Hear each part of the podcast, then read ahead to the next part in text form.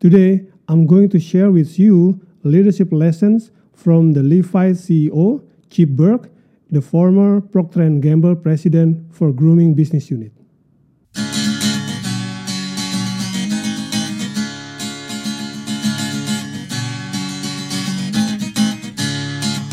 Welcome to Business and Management Podcast. Hello, my friends. How are you doing? I hope that you always be healthy and successful. Welcome to the Business and Management Podcast with myself as the host, Marchell Ludy. When I was a young brand manager in Procter & Gamble, our Asia Pacific president came to visit us in Jakarta office. There was a recent terrorist bomb attack in Jakarta at the time. While the other senior membership of the leadership team canceled the trip to Jakarta, Chip Bergh, our president, insisted to still come to Jakarta. He told us the reason. How could I cancel my trip to Jakarta while all of you are here in Jakarta working very hard for our company? How could I cancel my trip to visit you and meet you? I'm not scared. That's what he said. He instantly became my idol a leader I aspired to be. An articulate and charismatic man, a marathon runner, an ex army officer with strong leadership skills. In Procter & Gamble Company, he was simply legendary. There were so many stories about him. What I want to share with you right now is his leadership lessons from his past experiences in the army. So, this is Chip's lessons on leadership. Always eat last. One of the first things he learned as an officer in the army to never eat before all of his soldiers had eaten. An officer always eat last. The principle here is to be a good leader, you need to first take care of your people first. Make sure the basic fundamental needs of your people are met before your own. Leaders are modeled to be the first to wake up in the morning and to be the last who goes to sleep at night. This is servant leadership. Never ask a soldiers to do something that you yourself wouldn't do. Real leaders never command or ask anyone in their organization to do something they wouldn't do themselves. In fact, the best leader will never ask someone to do something that they themselves haven't done it before. Leaders lead from the front, not from the rear. In combat, action takes place in the front line. Strong leaders get to the front.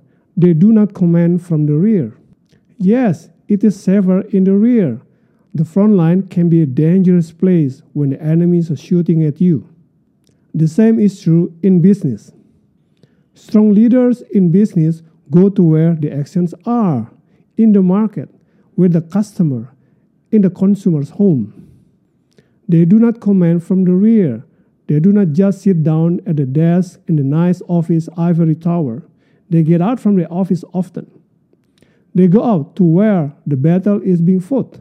They listen to the frontline commanders, the sales manager in the market, the product supply managers in the factory.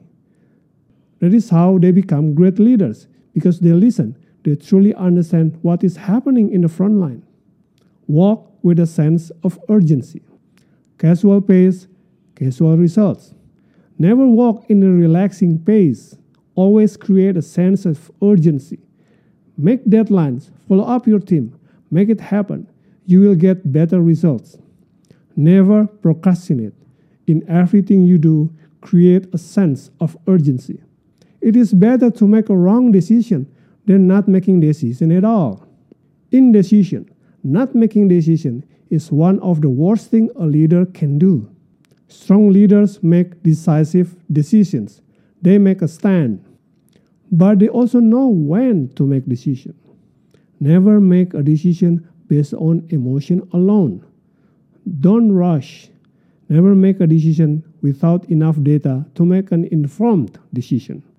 But conversely, never wait for a perfect data. And don't use I need more data as an excuse to procrastinate your decision. Leaders will face times when they have to make unpopular and difficult decisions.